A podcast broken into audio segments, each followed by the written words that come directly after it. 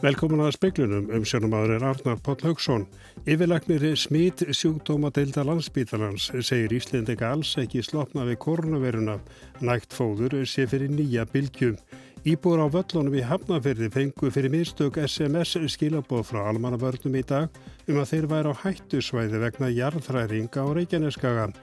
Undir að greina leghálsíni hér innan lands, þetta kemur fram í svari landsbítalans við fyrirspurn helbriðisraðunætisins, þó þyrti að kaupa tæki frá krabbameinsfélaginu og ráða sérhæft starfsfólk. Sóttvarnir verða hertar í Pólandi næstu þrjár vikur þar sem COVID-19 tilfellum hefur fjölgað mjög að undanförnum. Að óbreytu stefnir í að heilbriðiskerfi þar ráða ekki við ástandið. Tíu þingmenn áttakarlar og tvær konur hafa nú líst yfir að þeir hyggist ekki gefa kostástir til áframhaldandi þingsetu. Már Kristjánsson yfirlagnir er smitt sjúkdóma deilda landsbítarans, hegir Íslendinga alls ekki slopna við kornuveruna. Hann sér enn mikið nefni við í marga faraldra hér á landi og nætti fóður fyrir nýja bylgjum. Skimanir á landamærum skipti afarmiklu máli og personlegar sótvarnir sömu leiðis. En, en sko við verðum að hafa það í huga, það eru kannski sko nýju á hverjum tíu Íslandingum eru, eru, eru næmir fyrir hérna veirunni og, og hérna það þýðir það að það er efni, efni viður í mjög margar, uh, margar faraldra. Þannig að ef að það sleppur inn í landið og, og bólusetningin gengur jafn hægt og, og svona það virðist vera að þá er, þá er, mjög, þá er mjög mikil áhætta fyrir nýjum faraldrum. Þannig að við erum alls ekki sloppinn og, og við til dæmis við erum ennþá að, að súpa segðið af þessum landamæra smittum. Við lögðum inn sjúklingi gær inn, inn á smitsjúknudeldina þannig að, að þetta er alls ekki búið og, og það er til nægt fóður í nýja bylgjum. Sagði Már Kristjánsson og Haugur Hólm talaði hann. Íbúr á völlunum í Hafnafyrði fengu fyrir mistök SMS skilabóð frá almannavörnum í dagum að þeir væru á hættusvæði vegna jarræringa á Reykjaneskaga. Hjördís Guðmursdóttir, samskiptastjóri almannavarna, segir að vellinir séu ekki skilgerindir sem hættusvæði. Það sem gerist í dag er að við vorum að senda fólki sem eru vekkfærandur á þessu svæði sem eru námynda við Keili og Paradalsfjall og eru svona byggla til fólk sem að vera kannski ekki að vera ekki inn á því svæði og til þess að það sé gert þá þarf að senda SMS-in en þess að SMS fór á marga og það er ofstort svæði þannig að það var svona eitthvað sem við erum að laga og, og skoða. Vellinir er ekki inn á þessu hættisvæði, alls ekki. Það er þetta svæði við kringum Fagradals fjall og í námyndu við það og við keili þar sem við erum að byrja um að fólk að vera ekki, alls ekki við, við á völlunum. Segir Hjördi Skumustóttir. Landspítalinni getur tekið að sér rannsóknur leghálsína. Þetta kemur fram í greinargerð sem spítalinni skilaði ráðunitinni í fyrirkvöld. Fyrrakvöld ráðuniti hyggst óska eftir frekar upplýsingum frá spítalunum varðandi málið. Svo ákvörðun Hilbrið Sigvalda senda leghálsíni til Danmörku til rannsóknar hefur sett harðri gaggrinni, bæði frá konum, kvennsjúkdóma og krabbamennslæknum. Yfirlæknir meinafræði til Daland Spítalans sagði samtala við fréttastofu Rúfi í februar að spítalinn gæti greint veiru á frumu sínu leghálsi en hefði ekki verið formlega beðin um það. Hilbreyðsráðuniti hefur hins vegar bent á að í svari við fyrirspurður ráðunitisins hafi spítalinn sagt að það sættist ekki eftir því að taka verkefnið að sér. Ráðanitið sendur svo fyrirspurn á spítalan fyrir hálfum mánuði, þar sem óskafar eftir upplýsingum um það hvað spítalin gæti tekið verkefni að sér og til hvaða aðgerðan þýrta að grýpa. Fréttastofa óska eftir því að fá afrita svari landspítalans til hilbreyðisráðundisins. Spítalin vísaði á ráðanitið. Í skriflugu svari þess segir að óska hafur eftir nánari upplýsingu frá spítalanum og afrita svarbrefi spítalans verði ekki afhengt fjölmjölum fyrir nánari upplýsingar hafi borist. Sankant heimildum fréttástofu er svar landspítalans að hann geti tekið verkefni að sér. Það snýstum að greina árlega 22.000 veiru síni og 8.000 frumu síni. Síklu á veirufræði til landspítalans tók nýveri í nótkun upplugt veiru greiningatæki og gæti með lítilli fyrirhöfn greinti veiru sínin. Meinafræðideildin þyrti hins vera að hafa meira fyrir þeim 8.000 frumu sínum sem kæmi í hennar hlut. Framkom í viðtalunum við yfirleikni minnafræðidildar í februar að til þess að þetta væri framkvæmulegt þýrt að ráða til spítalans það sérhæða starfsfólk sem greindi frumu síni hjá krabbamennsfélaginu og einni að kaupa greiningartæki félagsins. Kristín Sigurðardóttir saði frá. Tíu þingmenn, átta karlar og tvær konur hafa nú líst yfir að þeir higgist ekki gefa kost á sér til áframhaldandi þingsetu eftir kostningarnar í haust. Af þeim eru nýju þingmenn sem letu lista fyrir síðustu kostningar þar af oddvitar þryggja lista í norðaustur kjörtami og þrýr þingmenn af þeim sjö sem að samfylkingin fekk kjörna í síðustu kostningum. Í dag tilkynnti Guðjón Brjánsson, þingmaður samfylkingarinnar í norðvestu kjördami, að hann hefðist ekki gefa kosta sér en með brottkvarfi hans losnar oddvitasæti flokksins í kjördaminu. Aðurir þingmenn samfylkingarinnar sem hafa tilkynnt að þeir higgist láta af þingmennsku eru Albertína Friðbjörg Eliastóttir sem var í öðru sæti á lista flokksins í norðaustu kjördami fyrir síðustu kostningar 2017 og Ágúst Ólafur Ágústsson sem leiti listan í Reykjavíkur kjördami söður. Kristján Þór Júliusson, þingmaður sjálfstæðsflokksins og sjávarútvegs og landbúnaður á þeirra, tilkynntum síðustu helgi hann myndi ekki gefa kosta sér áfram að þing, en Kristján Þór leiti lista flokksins í norðaustu kjördami. Tveir þingmenn vinstri græna gefa ekki kosta sér. Það eru Ari Trausti Guðmundsson sem leiti lista vafki í söður kjördami og Stengrumir Jóð Sefusson sem leiti listan í norðaustur kjördami. Þrýr þingmenn pírata hyggjast hverfa af þingi. Það eru Jón Þór Ólafsson sem leiti listaflokksins í Suðvestur kjördami, Helgi Hrafn Gunnarsson, oddviti í Reykjavíkur kjördami Norður og Smára McCarthy sem leiti listan í Suðu kjördami. Þórun Egilstóttir, þingmaður framsóknarflokks, ætlar etniga hætta á þingi. Þórun leiti listaframsóknar í Norðaustu kjördami í kostningunum 2017. Anna Lilja Þóristóttir sagði frá. Pólsk stjórnvöldu bóða hertar aðgerið frá næsta lögardegi vegna mikillar fjölgunar COVID-19 tilfella upp á síðkastið. Heilbriðisáþra landsins segir að stemma verði stígu við útbreyslunni, annars sé hætt á að heilbriðiskerfi ráð ekki við ástandið. Verslana með stöðvum verður lokað til 9. apríl, einni hótelum, sundlögum, íþróttahúsum og skólum. Ímsar takmarkanir sem þegar eru gildi verða framlengdar, svo sem lokun veitingahúsa og líkamsræktar stöðva. Grunnskólanemar í fjórðabekk og ofar verða áframastunda fjarnám. Adam Nietzschielski, helbriðisráð þeirra, sagði þegar hann kynnti hinnar hertur ástafanir að landsmenn væru beðnir um að halda sér sem mest heima og að allir sem getur sint vinnu sinni heima gerðu það. Alls greindust rúmlega 25.000 veru smitti í Pólandi síðastliðin sólaring. Bráðsmittandi afbreyði verunar sem á upptök sín í Breitlandi veldur auknu álægi á heilbriðiskerfið. Nýtsi Elski segir að ef ekki verði gripið í taumana verði smitt á hverjum sólaring komin í 30.000 eða meira að viku liðinni. Útlitt sé fyrir að heilbriðiskerfi landsins ráði ekki við slikt ástand. Ásýr Tómasson sagði frá. Einn fósfarsmanna verkefni sinns um að leiða heimasláturinn söðfjára segir að hægt gangi að ljúka verkefninu, svo virðir sem tregðan sé hjá matvælarstofnun. Bændur á 25 bæjum tóku í haust þátti tilunaverkefnum heimarslátrun söðfjár með það markmið að auðvelda bændum að slátra heima og markað setja eigin framlegslu. Þröstur Heiðar Ellingsson, bóndi í Birkilíði Skagafyrði, er þar eitt frumkvöðla og sittur í starfshópu um þetta mál.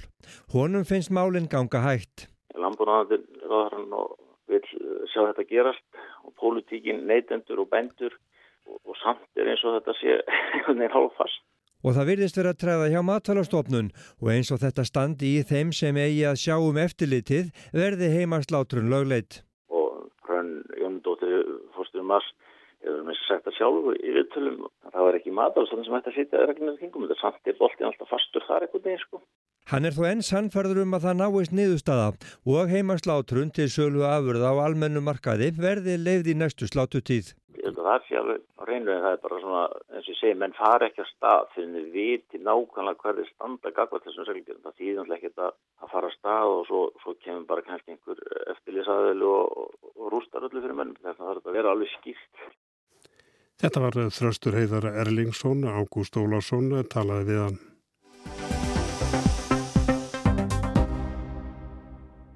Heilbríðisráþara segir að það muni hafa heilmikil áhrif ef bóluefni frá AstraZeneca verður dæmt úr leik. Lífjastofnun Evrópu mun á morgun hveð upp úr skurðum hvort hættulausti sé að nota bóluefnið. Gertu verið ráð fyrir að Íslandi fái 76.000 skamta af bóluefninu á öðrum ásfjörðungi. Heilbríðisráþara flutti munlega skísla á alþingi dag um sótvarnir og bólusetningar. Svandi Svavarsdóttir heilbyrjusáþur að sagði að óhætt væri að fulliða að staðan á heimsfaraldrinum sé góð hér á landi. Og þann árangur má þakka þjóðinni allri. Við höfum staðið saman, við höfum fyllt reglunum, við höfum sýnt varkárni og þolgæði á þessum fordæmalausu og krefjandi tímum. Í nýrri könnun Gallup var spurt um afstöðu fólks á Íslandi til sóttvarnaaðgerða stjórnvalda vegna Covid-19 og niðurstaðan er sú að alls eru 92% landsmanna ánægð með aðgerðirnar Lítill munur er á afstöðu til sóttvarnaráðstafana eftir búsetu og þeir sem mælast fullkomlega ánægðir, mjög ánægðir eða frekar ánægðir eru samanlagt 92% eins og áður segir og er það sama niðurstaðan hvort sem litið er til Reykjavíkur, nágrannasveitarfélaga eða annarra sveitarfélaga á landsbyggðinni. Það er mjög gott að sjá þessar niðurstöður og finna að almenningur ber traust til þeirra aðgerða sem grípa þurfti til vegna faraldursins og fyrir það er þakkað hér.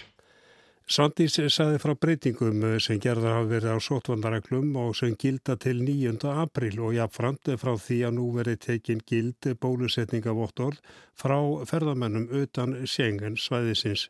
Hvort sem þau eru uppbrunnin innan EES svæðisins eða utan þess, að því tilskildu að þau uppfylli sömu kröfur og leiðbenningar sóttvarnalæknis.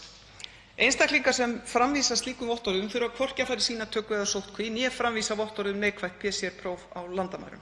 Í minnisblaði sóttvarnalæknis segir, með leyfi forseta: „Bólusetningarvottorð og vottorð um fyrri Covid-sýkingu utan EES-svæðisins verði tekin gild eins og vottorð innan EES-svæðisins. Sömu kröfur verði gerðar til allra vottorða.“ Þetta er eh, tillaga sóttvarnalæknis sem ég eh, fer að í einu og öllu. Eh, en reglugerð um för yfir landamæri sem heyrir undir dómsmálaráðherra verður breytt þannig að almennt bann við tilefnislausum ferðum þriðja ríkis borgara yfir ytri landamæri nær ekki til einstaklinga sem eru með umrædd vottorð. Að það er jafnframt algjörlega í samræmi við tillögu sóttvarnalæknis. Áætlanir heilbrigðisráðuneytisins gerðu uppalega ráð fyrir að lokið yrði við að bólusetja 46.000 einstaklinga í mars mánuði eða þessu mánuði. Nú hljóðar áallinu upp á 43.000 manns. Ráðherra sagði að dreifingaráallanir fyrir bóluefni á öðrum ástjórningi lægi ekki fyrir.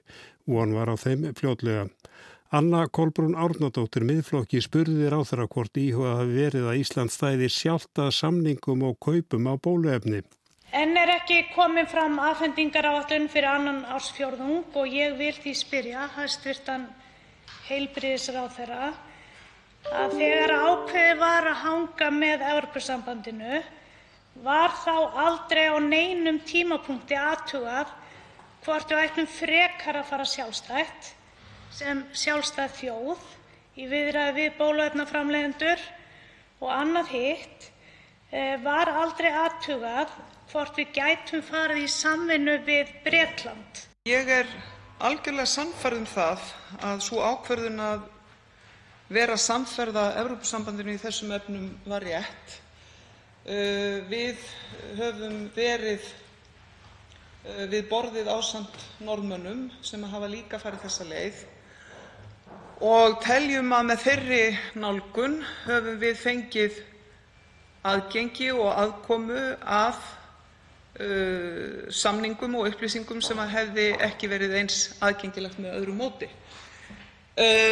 Það breytir því ekki að það kunna að vera aðrir möguleikar í stöðunni. Ég hef bara ekki heyrt um þá og ég hef ekki heyrt uh, fólk nefna önnur plön en þau að uh, vera samferða Evrópusambandinu í þessum efnum. Hins vegar deili ég því algjörlega með hv. þingmanni að það er löngu tímabært að við fáum upplýsingar um afhendingaráætlun fyrir ársfjórðung 2. Þórólur Guðnarsson sóttvarnalæknir hefur sagt að ákvörðun um að taka upp svo kallan litakóða frá 1. mæ hafi ekki verið tekin í samráði við hann. Rósa Björg Brynjálfsdóttir samfélkingu spurði hvers vegna ráð þeirra heilbriðs að þeirra fær ekki eftir ráleggingum sóttvarnalæknis. Herra fórseti, það hafa orðið vatnaskill með ákvörðun sinnum að gera breytingar á sóttvarnareglum á aukafundi sínum á mánudag með því að opna alveg á komu íbúa frá grænum löndum er ríkisstjórnin hætt að hlýða ráðleggingum sóttvarnalæknis um að taka ekki upp litakóðunarkerfi 1. maí og slaka þannig um of á takmörkunum. Þetta ásamt ákvörðun dómsmálaráðherra opnar landið enn meira á tímum þegar fjórðabylgjan er að hefjast í Evrópu og sóttvarnalæknir hefur staðfest þetta í fréttum RÚV að þessar ákvarðanir eru ekki í samráði við hann. Ráþara segði ákvörðun um að taka gildi bólusetningarvottor frá löndum utan sengen væru í einu öllu í samræmi við ráleggingar sortvarnalæknis.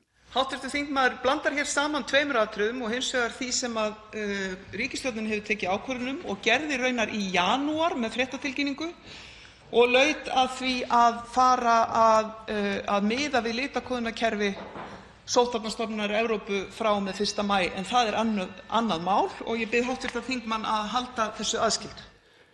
Fleiri þingmenn tóku til málsum skýsluna en á morgun ræðist hvort bóluefni frá AstraZeneca fær grænt ljós hjá Livjastofnun Evrópu. Helga Vala Helgadóttir í samfylkingu spurðir á þeirra út í þessa óvissu. Þetta er auðvitað langstærsti hlutinn og maður veltir fyrir sér ef þetta gengur ekki eftir, ef Evrópska lyfjastofnunin afturkallar markaðsleyfið þá erum við pínu í vanda.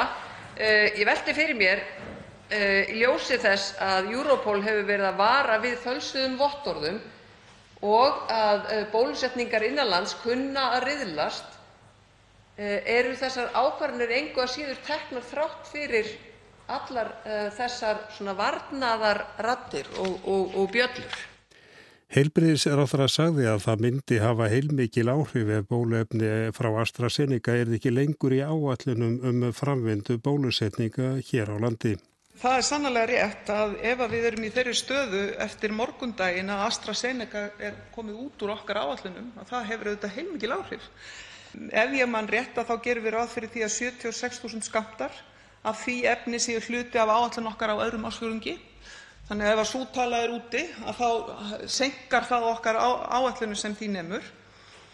En eh, að sama skapi erum við ekki með áætlanir sem snúast um Janssen-bóluefnið inn í okkar eh, plönum eh, en þar keyptum við 235.000 skammta þar sem einn skammtur dugar fyrir hverja bólusetningu.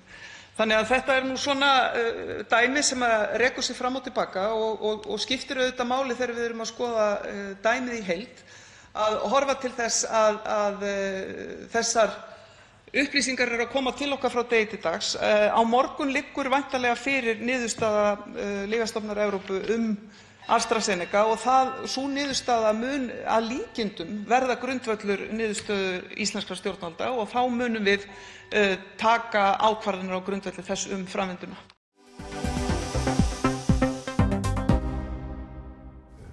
Umfangsmiklar breytingar er í farvatninu á þjónustu ríkis og sveitarfélaga við börn. Stig skipta á þjónustunni og samhæfa hana með það að markmiði að grípa börn og fjölskyldur áður en í óefni er komið. Ásmundur Einar Daðason, félags- og barnamálar á þeirra hefur mælt fyrir þremur nátengdum frumverfum á alþengi sem bæta eiga þjónustu við börn. Það umfangsmesta snýrað samþæktingu þjónustu í þáu farsæltar barna. Í hinum er fjallaðum tvær nýjar stopnanir, barna- og fjölskyldustofu og gæða og eftirlitstopnin velferðarmála. Barnavendastofa verður lögð niður. Erna Kristín Blöndal, skrifstofustjóri barna og fjölskyldumála í félagsmálaráðunitinu og formaður stýrihóps stjórnaráðsins í málefnum barna bendir á að mörg mismunandi kerfi veiti börnum og fjölskyldum þeirra þjónustu. Á milli þeirra sé vekkur. En það er kannski svolítið í dag að, að það getur verið að þú sést með vanda sem að náttúrulega aðkomu margra aðela sem eru það í þessum fyrirfram mótuðu kerfum og það getur verið ansið flókið fyrir þann sem að þarf að sækja í þau að fá hjálp og banka á marga dyr og það er nú kannski það sem að ráðurinn hefur líka sagt, sko, að fjölskyldur og börn sem þess þurfa séu gripinn fyrr og fái það viðeigandi stuðning. Þó að hann sé þert á kerfi það sé bara einhvern veginn þessi utanumhald og stuðningur verði allir miklu fyrr og miklu betri fyrir og það sem badnið verði þá sett sko, í miðjuna. Kerfin snúist um badnið en ekki öfugt. Þannig að þegar að eitthvað kemur upp á viti fjölskyldur og þeir sem veita börnum og fjölskyldu þjónustu, til dæmis í helsugjæslu eða í skólanum, við hvern eigi að tala í næsta kerfi? Það er verið að skilgrina hverjir eru að þjónusta börn og fjölskyldur. Hvert á að vera hlutverk þeirra aðila og, og svo meðvituðum þetta einmitt, þess að veggi á milli. Hvernig ætlum við að brjóta þá niður? Hvernig eiga samskiptin að vera?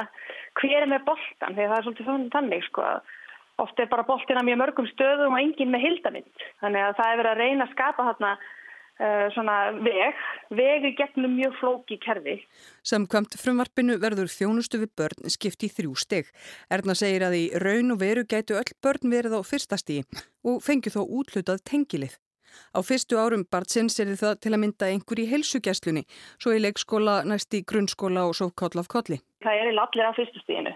Börnir eru að fá grunnflörustu og snemtækar stuðningstætti þörfum. Annars stíð er svona, þegar fyrsta stíð er ekki nægulegur stuðningur á fyrsta stíðinu, þannig það þarf ekki að verða eins markvísari þjónustan.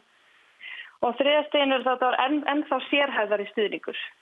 Þegar að þjónustan er komin upp í annað steg tekur málastjóri yfir og hans hlutverk er að grípa fjölskylduna og barnið, samhæfa aðgerðir á milli kerfa, kalla saman umununa teimi þeirra sem veita barninu þjónustu og passa upp á að hún sé fullnægandi. Fjölskyldan þarf að samþykja þáttöku. Erna leggur áherslu á að þarna sé verið að auka þjónustu og að henni verði ekki þvingað upp á fólk. En hvað þá með þau börn sem sannarlega þurfa á aðstóða halda ef foreldrarnir vilja ekki afskipti af sínu heimilislífi? Foreldrar geta bara hafnað bóðum þjónustu ef að svo byrjundir. En ef það er talið auðvitað varða við, þetta er orðið mjög alvarlegt og málið talið varða, þú fara ekki brot gegn barnavendalögum eða aðstæði bassir ofullnægandi þá auðvitað eru bara þegar til staðar barnavendar uh, lögjöf á Íslandi. En Erna vonast til að sem flestir taki þátt og bendir á að markmiðið með lögjöfinni sé að veita fjölskyldum stuðning fyrr og koma vonandi þannig í veg fyrir að illa fari. Einn megin þátturinn í að geta samhæft aðgerðir er að upplýsingar við áru mörgum kerfum sé sapnað saman en upplýsingarnar geta verið ákaflega viðkvæmar og persónulegar. Þess vegna er ákveði í frumvarpinu um að haft sé samráð og veitarleipinningar til foreldra og barns um að samþætting þjónustu feli í sér upplýsingar um vinslu persónuupplýsinga. Samkvæmt frumvarpinu verður það nýrar stopnunar barna og fjölskyldustofu sem tekur við þóranum af verkefnum barnavendastofu að útfæra þær reglur. Þannig að núna er hafinn vinna við að hvernig megi gera þetta með betri hætti en auðvitað alltaf innan sko persónavendar sjónamiða. Fjöldi fólks hefur komið að undirbúningi þessara umfangsmiklu breytinga með einum eða öðrum hætti um þryggjára skeið. Þá hefur þver pólitísk þingmannanemnd unnið að málinu á samt stýrihópi sem starfar þvert á ráðunetti. Fjölmarkar umsagnir hafa borist um málinn frá félagsamtökum, sveitarfélagum og stopnunum. Í þeim er almennt farið fögrum orðum um markmið frumvarpsins en bent á ímis álítamál svo sem mannabla, mentun og reynslu fyrirhugaðara tengilið og málastjóra og fjármögnun hjá sveitarfélagum sem og persónuvenda sjónamið vegna viðkvæmra upplýsinga um hægi barna og fjölskyldna. Frumvarpin eru nú fyrir velferðanemt alþingis. Ragnhildur Tólasíu saði frá og talaði við Ernu Kristínu Blöndal forman stýrihóps stjórnaráðsins í málunum barna og Ragnhildur heldur áfram að fjallum þetta mál í speiklinum á morgun.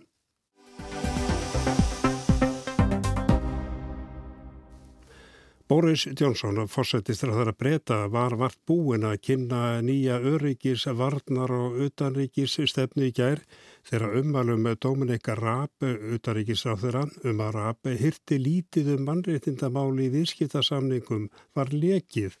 Umvalinni styrkja bæði stjórnarþingmenn og aðra í þeirri trú að ríkisjónir sé of höllundir einræðislönd eins og til dæmis Kína. Fylgi fremur hendistefni en stefnu festu.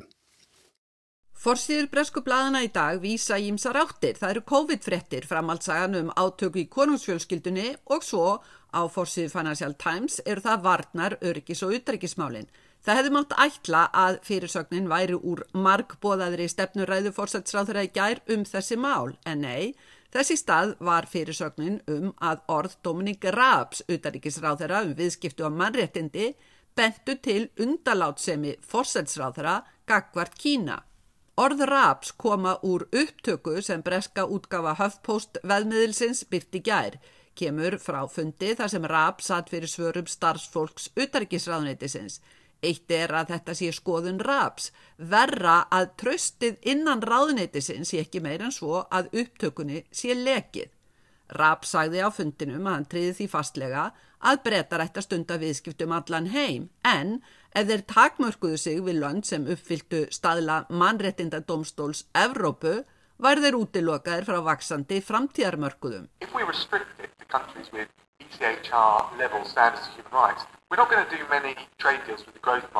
Future. Í tilkynningu utaríkisraðunitisins sagði að orðin væri tekin úr samhengi. Þessi orðraps íta undir þó tilfinningu að í stefnu ríkistjórnarinnar sé eitt á borði, annað í orði. Í brexit viðræðunum var kökustefnan áberandi, þetta sem breytar kalla að bæði eiga kökuna og borðana. Ekkert er klárt, allt er óskýrt, allt má tólka eins og best hendar hverju sinni, alltaf hægt að haga seglum eftir vindi. Og þá einnig í megin málum eins og í afstunni til Kína, deilumál hér í Breitlandi, einnig innan íhalsflokksins. Forsætsráð þeirra nefndi vissulega fangelsun kínverskra stjórnvalda á víkurónum sem kínversk stjórnvöld þóla illa að sé svo mikið sem í að að. Á hinbógin vildi Johnson alls ekki tala um kallt stríðgagvert Kína. Einnig áberandi að forsætsráð þeirra hafði ekki mikið að segja um annað gerraðislegt ríki, Rústland, nema að hann nefndi rústneska nótkun efnavopna í Solsbury fyrir þremur árum, nefndi þó ekki að tilræðið beindis gegn rústneskum njóstnara. Samband forsætsráþara og íhjálpsflokksins við rúsneska auðmenn hefur verið fréttaefni um árabil.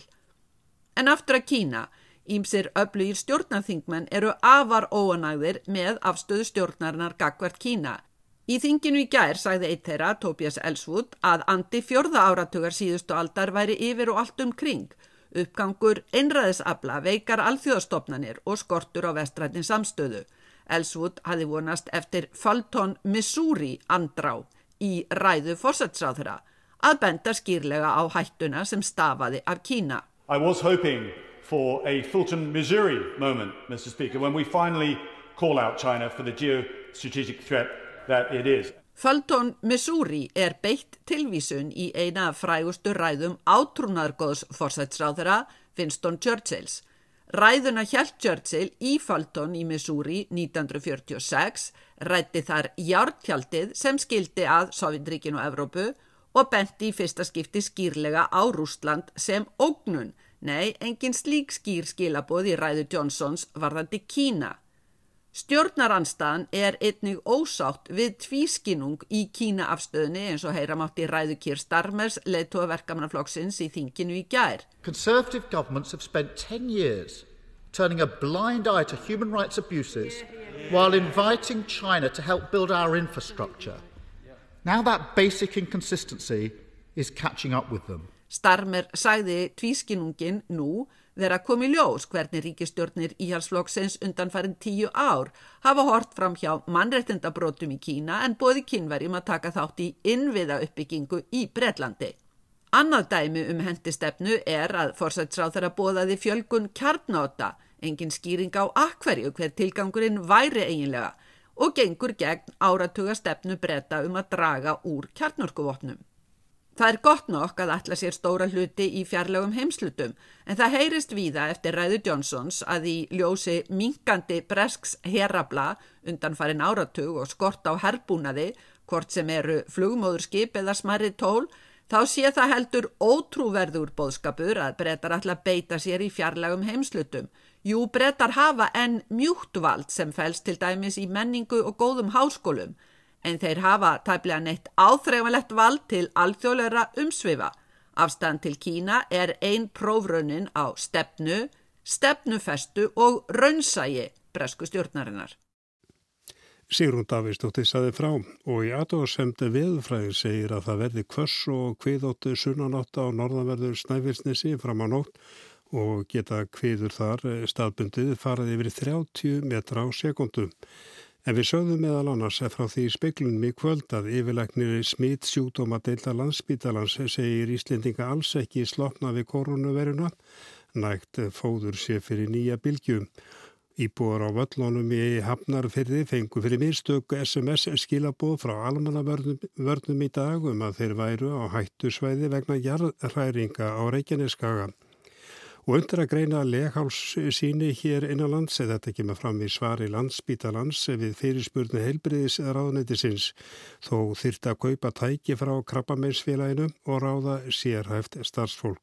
Það er ekki fleira í speklunu kvöld, tæknimaður var Jón Þór Helgason, verið sæl.